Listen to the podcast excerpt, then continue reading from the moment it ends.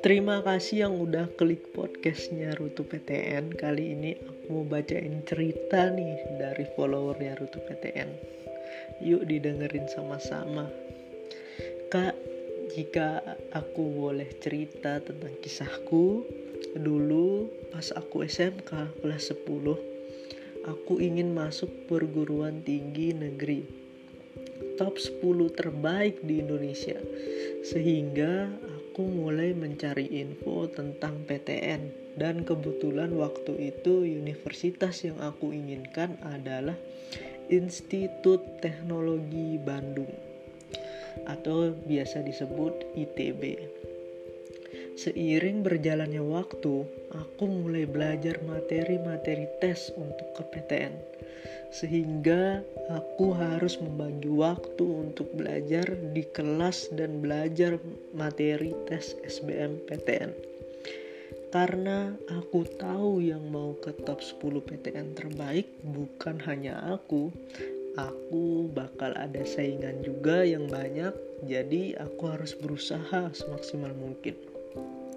Aku sekolah SMK aku nggak pernah minder karena aku tahu tes SBMPTN itu ada TKA jadi aku harus belajar bener-bener ngejar materi SBMPTN yang nggak pernah aku pelajari di SMK karena pelajaran itu pelajarannya anak-anak SMA naik ke kelas 11 aku lebih giat lagi belajar karena aku punya cita-cita juga yang tinggi, aku ingin membuktikan kalau aku bisa masuk perguruan tinggi terbaik di Indonesia. Bukan hanya orang-orang di luar sana yang bisa masuk ke PTN terbaik di Indonesia.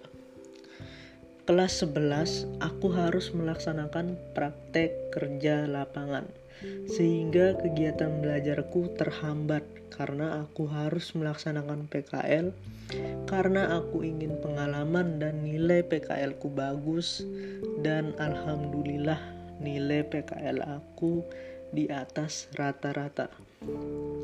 Naik ke kelas 12, aku mulai siap untuk menuju kampus impian aku. Aku memiliki semangat yang tinggi untuk menuju kampus terbaik Hingga tiba saatnya tes jalur senam PTN, aku sudah menyiapkan semuanya dari bulan-bulan yang lalu untuk mengikuti tes senam PTN. Karena ini kesempatan yang besar juga bagi aku, karena juga yang daftar hanya lulusan tahun 2020. Tapi tiba-tiba ketika aku meminta izin untuk mengikuti tes senam PTN, orang tua tidak mengizinkan dan melarang aku untuk kuliah jauh-jauh. Karena saat itu orang tuaku hanya sendiri di rumah, kakakku semua bekerja di luar kota, aku punya adik tapi begitu nakal sehingga dia jarang pulang ke rumah. Seketika aku bersedih dan kecewa semua yang telah aku siapkan akhirnya gagal. Aku tidak bisa tes jika memang orang tuaku melarang karena aku tahu ridho Allah tergantung ridho orang tua. Aku berpikir jika orang tua aja gak ridho atau gak mengizinkan, buat apa aku ikut tes ini? Sehingga aku gagal ikut senam PTN. Aku kecewa. Kenapa semua harus terjadi?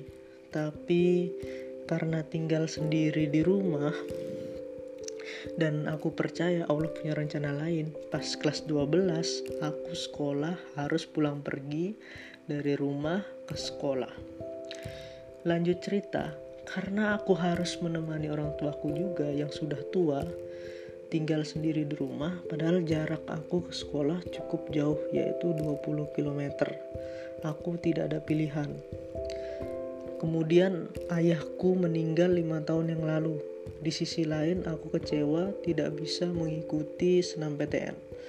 Tapi di sisi lain, aku harus berbakti kepada orang tuaku. Tapi aku tidak menyerah, pasti Allah kasih jalan terbaik. Aku berpikir masih ada SBMPTN yang bisa aku kejar karena aku sudah gagal senam PTN. Bukan berarti aku juga gagal di SBMPTN. karena impianku adalah PTN terbaik di Indonesia. Satu bulan setelah pengumuman senam PTN, aku meminta izin kepada orang tuaku untuk mengikuti tes SBM PTN. Tetap orang tuaku tidak mengizinkan dan aku menjelaskan ke mama aku. Mah, aku ikut tes SBMPTN di kampus Bandung hanya untuk menguji kemampuanku apakah aku lolos apa tidak di kampus terbaik di Indonesia. Dan orang tua mengizinkan dengan penjelasanku yang seperti itu. Akhirnya aku bahagia dengan restu orang tuaku. Aku tahu SBMPTN tinggal beberapa bulan lagi. Setelah pengumuman senam PTN, tapi aku nggak pernah putus asa Aku tanamkan semangat di hatiku. Aku bisa, pasti bisa. Sehingga aku menambah porsi belajarku untuk ikut tes SBM PTN. Dalam beberapa bulan, walaupun waktu itu aku harus membagi waktu karena aku akan menghadapi ujian nasional, aku mulai mengikuti TO mulai membeli buku SBMPTN agar aku bisa mengejar materi yang tertinggal. Aku belajar dengan penuh semangat sampai akhirnya ada informasi bahwa ujian nasional dihilangkan karena virus corona. Di situ aku sangat bahagia sekarang. Aku bisa lebih fokus untuk belajar materi SBMPTN. Karena waktu tinggal sebentar lagi dan ada informasi lagi kalau SBMPTN diundurkan menjadi bulan Juli dan materi TKA dihilangkan.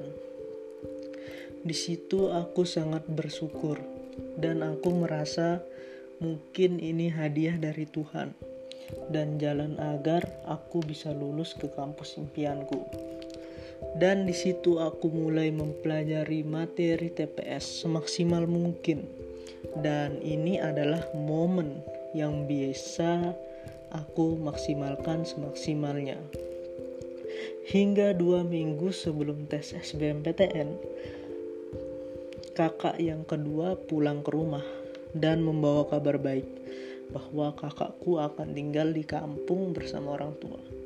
Saat itu juga aku bersyukur sebesar-besarnya dan menambah semangat belajarku untuk menuju kampus impian dan aku memaksimalkan waktu yang tersisa dua minggu lagi. Dan pada akhirnya tes SBMPTN pun dilaksanakan dan aku mulai mengikuti tes dan akhirnya aku puas. Aku sudah mengikuti tes SBMPTN dan aku tinggal menunggu hasilnya. Aku pun memperbanyak ibadahku dan selalu berdoa agar aku diterima di kampus impian yang aku ingin. Aku tahu SBMPTN saingannya banyak, jadi buat antisipasi aku pun daftar di salah satu universitas swasta di Jakarta. Dan pada akhirnya pengumuman SBM SBMPTN pun tiba. Karena dimajukan menjadi tanggal 14 Agustus, banyak teman-temanku yang sudah membuka hasilnya pada jam 15.00 sehingga teman-temanku banyak yang gagal di SBMPTN. Aku berniat membuka besok hari setelah aku sholat tahajud agar Allah memberikan yang terbaik untuk aku. Akhirnya aku membuka hasil SBMPTN. Dan akhirnya aku gagal. Aku merasa kecewa, sedih karena gagal masuk kampus impian yang aku pengen. Tapi aku harus bangkit pasti Allah ngasih yang terbaik buat aku. Hari Seninnya, pengumumanku di universitas swasta dan alhamdulillah aku lolos di universitas swasta di Jakarta dengan beasiswa full sampai pendidikanku selesai. Aku bersyukur karena Tuhan selalu memberikan kado terbaik untuk aku. Aku berpikir pilihan Tuhan jauh lebih baik untuk hambanya. Aku gagal di SBMPTN bukan berarti aku harus gagal masuk kampus yang lain. Tuhan tahu yang terbaik untuk kita. Ini kisah perjuanganku, Min.